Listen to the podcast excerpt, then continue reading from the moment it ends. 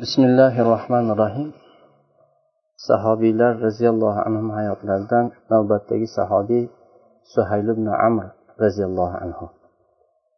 Rasululloh sollallohu alayhi vasallam kim sizlardan suhayl bilan uchrashib qolsa deb shu fath makka bo'lgandan keyin unga bir yo'liqqanda yomon qaramasin yomon gap gapirmasin suhaylni bir aqli bor uni bir sharafi borki bu islomni bilmay qolishligi suhaylga o'xshaganlarga mumkin emas.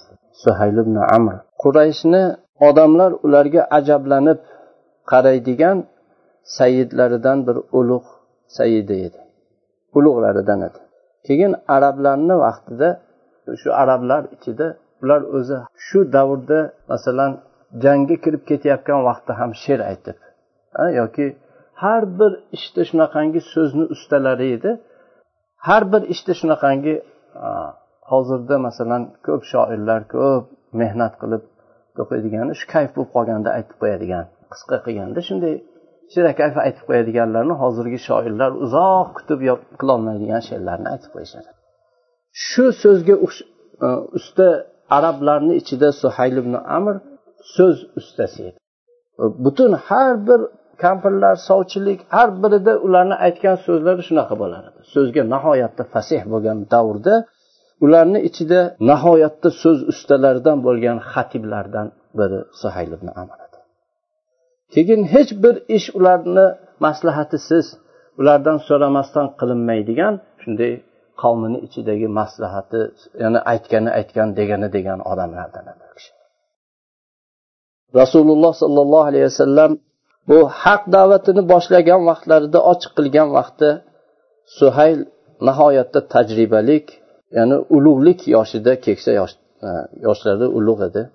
Bu kishini bunday aqlliligi bunday o'tkir fikri bilan bu aqlu fikr uni bu hidoyatu rahmat payg'ambarini da'vatini xo'p deb labbay deb bu da'vatni ijobat qilishlik qiladigan qilishligi kerak edi u kishidagi bu fikrini o'tkirligi aqlini yuqoriligi. Lekin suhayl faqat islomdan ya'ni islomdan yuz o'girdi bu haq da'vatdan yuz o'girdi. Faqat yuz o'giribgina qolmadi. Balki odamlarni ollohni yo'lidan har qanday qo'lidan kelgan vasila bilan vosita bilan to'sar edi. Islomga avvalda islomga kirgan ashoblarga o'zini azob qamchisini yog'dirardi. Ularni dinlaridan qaytarish dinlarida fitnalantirishlik shirkka ularni qaytarishlik uchun qattiq azob berardi. Lekin bir kuni suhayl ibn amirga bir xabar keldi uni boshiga yashin tushgandan ham yomon bo'ldi.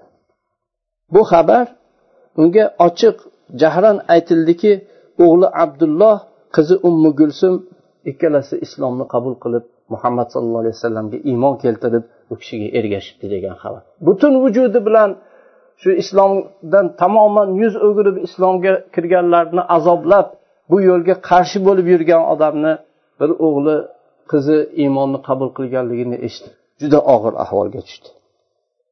Va bu ikkalasi farzandlari habasistonga dinlarini otasini ozoridan qurayshlarni ozoridan qutulishlik uchun dinlarini olib qochib habasistonga ketib qolganliklarini xabar berdi. Keyin bir yolg'on xabarlar habash muhojirlarga yetib bordiki qurayshlar islomni qabul qilibdi ommatan shunda ba'zi musulmonlar o'zlarini ahllarini ichida yaxshi yashayaptilar degan xabar yetuvdi. U habasistonga ketgan muhojirlardan ba'zilari makkaga qaytib keldilar. Bu qaytib kelganlar ichida suhaylni o'g'li abdulloh ibn suhayl ham bor edi.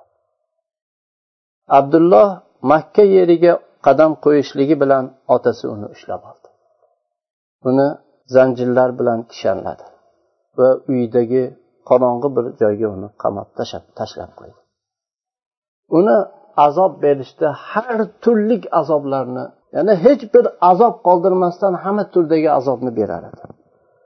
Uni ozor berishlikda har bir bobga kirar edi. Hatto bu yigit toqat qilolmadi u kishi toqat qilolmadida zohirda yana muhammad sallallohu alayhi vasallamni dinlaridan qaytganligini izhor qildi. Va ota bobolarni diniga qaytganman deb e'lon qildi. Shunday qattiq azob berdi. Shunda suhayl ibn amirni tashvishi boshdan ketdi u juda xursand bo'ldi va go'yoki o'zicha muhammad sallallohu alayhi vasallamga g'alaba qilgandek shu g'alaba rohatini huzur halovatini ko'rdi. Mushriklar rasululloh sollallohu alayhi vasallamga qattiq ozor berib badrda u kishiga jang qilishlikka borishdi. Shunda suhayl ibn amr bu mushriklar bilan birga o'zini o'g'li abdullohni ham olib birga olib jangga bordi. Chunki u yaqin vaqtgacha rasululloh sollallohu alayhi vasallamni tobelaridan u kishiga eng yaqinlardan bo'lgan bir kishini shunday yaqin bo'lganidan keyin rasululloh sollallohu alayhi vasallamni dillarida bo'lganidan keyin endi muhammad sallallohu alayhi vasallamni yuzlarida qilich ko'tarib borishligini ko'rishlikka shunday shavq zavq qilib bu farzandi shunday bo'lishligidan zavqlanib shunga qiziqib farzandini birga olib bordi. Lekin qadarda suhaylni hisobida xayoliga kelmagan taqdirot yashiringan bir taqdir bor edi. Ikki jamoa musulmonlar va kofirlar jamoasi badr yerlarida bir biriga to'qnashgan vaqtda bu mo'min musulmon yigit abdulloh roziyallohu anhu musulmonlar safiga qochib o'tdilar. Va rasululloh sollallohu alayhi vasallamning bayroqlari ostida jamlanib qilichlarini otalari va otalari bilan birga kelgan ollohni dushmanlariga qarshi urushlik uchun qilich yalang'ochlab jangga kirdilar. Badr jangi alloh subhanava taolo tarafidan o'zini payg'ambari sollallohu alayhi vasallamga kelgan bu katta bir kuchlik g'alaba nusrat bilan tugagan vaqtda rasululloh sollallohu alayhi vasallam va ulug' sahobiylar mushriklardan tushgan asrlarga shu qarab ularga ko'z yugurtirib chiqar edilar. Ularni ichida suhayl ibn amir ham ularni qo'llariga asir bo'lib tushgan edi. Suhayl rasululloh sollallohu alayhi vasallamni oldilarida turib endi o'zini fidyasi haqida gapirib kelishmoqchi edi. Unga umar ibn hattob qaradilar aytdilarki ya rasululloh ey ollohni payg'ambari sollallohu alayhi vasallam buni menga bering shu oldidagi tishlarni sug'urib olaman dedilar. Bundan keyin makka majlislarida makka jamoalari ichida islomni ayblab islom payg'ambarini ayblab bu xutba o'qib unday og'iz ko'pirtirib yurmasin shu tishlarini sug'urib olay menga bering dedilar.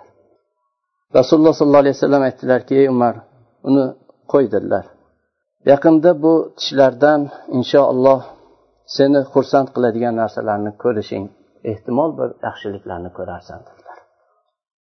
Keyin uzoq kunlar o'tdi. Hudaybiya sulhi ya'ni rasululloh sollallohu alayhi vasallam umra qilamiz deb kelganlarida makka mushriklari musulmonlarni rasululloh sollallohu alayhi vasallamni makkadan man qilishdi. Shunda sulh tuzildi. Musulmonlar bilan mushriklar o'rtasida. Unda oxirida quraysh suhayl ibn amirni qurayshlar tarafidan shu sulhni muqarrar qilishlikka o'zlaridan namoyanda qilib jo'natdilar. Rasululloh sollallohu alayhi vasallam rasul sollallohu alayhi vasallam bilan birga bo'lgan kishilar u bilan yo'liqdilar rasululloh sollallohu alayhi vasallam bilan sahobalardan bir toifalari bor edi. Ularni ichida suhaylni o'g'li abdulloh ibn suhayl roziyallohu anhu ham birga boradilar. Keyin rasululloh sollallohu alayhi vasallam ali ibn abi tolibni bu ahdni sulhni bu bitimni yozishlikka chaqirdilar. Rasululloh sollallohu alayhi vasallam aliga yozdirib aytdilarki bismillahi rohmanir rohim deb yozing dedilar. Shunda suhayl aytdiki biz buni bilmaymiz dedi. Lekin bismikallohimma deb yozasan dedi. Rasululloh sollallohu alayhi vasallam ali roziyallohu anhuga mayli bismikallohimma deb yoz dedilar. Keyin aytdilarki bu ollohni payg'ambari muhammad sollallohu alayhi vasallam sulh qilgan narsa deb yoz dedilar shunda suhayl aytdiki agar biz seni ollohni payg'ambari deb guvohlik berganimizda sen bilan jang qilmas edik ismingni otangni ismini yoz dedi rasululloh sollallohu alayhi vasallam ollohga qasamki agar meni rad qilsanglar ham men ollohni haqiqatdan ollohni rasuliman dedilar. Muhammad ibn abdulloh deb yoz dedilar keyin bu bitim Э, orada tamom bo'ldi. Va suhayl ibn amr nihoyatda katta faxr bilan gerdayib o'zini qavmi uchun muhammad sollallohu alayhi vasallamni ustilaridan g'alaba qildim degan gumon bilan faxrlanib qavmi oldiga qaytib bordi. Keyin yana bir qancha kunlar zamonlar o'tdi. Quraysh jangsiz o'zini juda katta mag'lubiyati bilan sinib mag'lub bo'ldi. Rasululloh sollallohu alayhi vasallam makkaga fotih bo'lib makkani fath qilib g'alaba bilan kirib keldilar. Shunda rasul sollallohu alayhi vasallamni javchilardan chaqir nido qilar ediki ey ahli makka kim o'zini uyiga kirsa amondadir. Kim masjidil haromga kirsa amondadir. Kim abu sufyonni uyiga kirsa u amondadir deb shunday bu so'zni tarqatdilar. Suhayl bu e, nidoni eshitgan vaqtda uni qalbiga katta bir qo'rquv kirdi. Va uyiga kirib ustidan qulfladi. Nihoyatda qattiq tushkunlikka hayratga tushib uyda o'tirdi. Endi suhayl ibn amirga so'zni bersak u kishi o'zi rivoyat qilsin o'sha hayotidagi eng qat'iy bir nozik joylarini o'zi rivoyat qilib aytadiki rasululloh sollallohu alayhi vasallam makkaga kirib keluvdilar uyga kirib oldim uyni eshigini qulflab o'tirdim. Abdulloh o'g'lim abdullohni izlab unga odam yubordim. Men ko'zim abdullohni ko'ziga tushishligidan hayo qilar edim. Butun hamma azobni berib uni shunday qiynagan ota edi. Men o'g'limdan hayo qilar edim. Islomda unga azob berganlikda haddimdan oshganimdan men hayo qilar edim. O'g'lim meni oldimga kirib keldi. Unga aytdimki muhammad sallallohu alayhi vasallamdan menga himoya so'rachi dedim.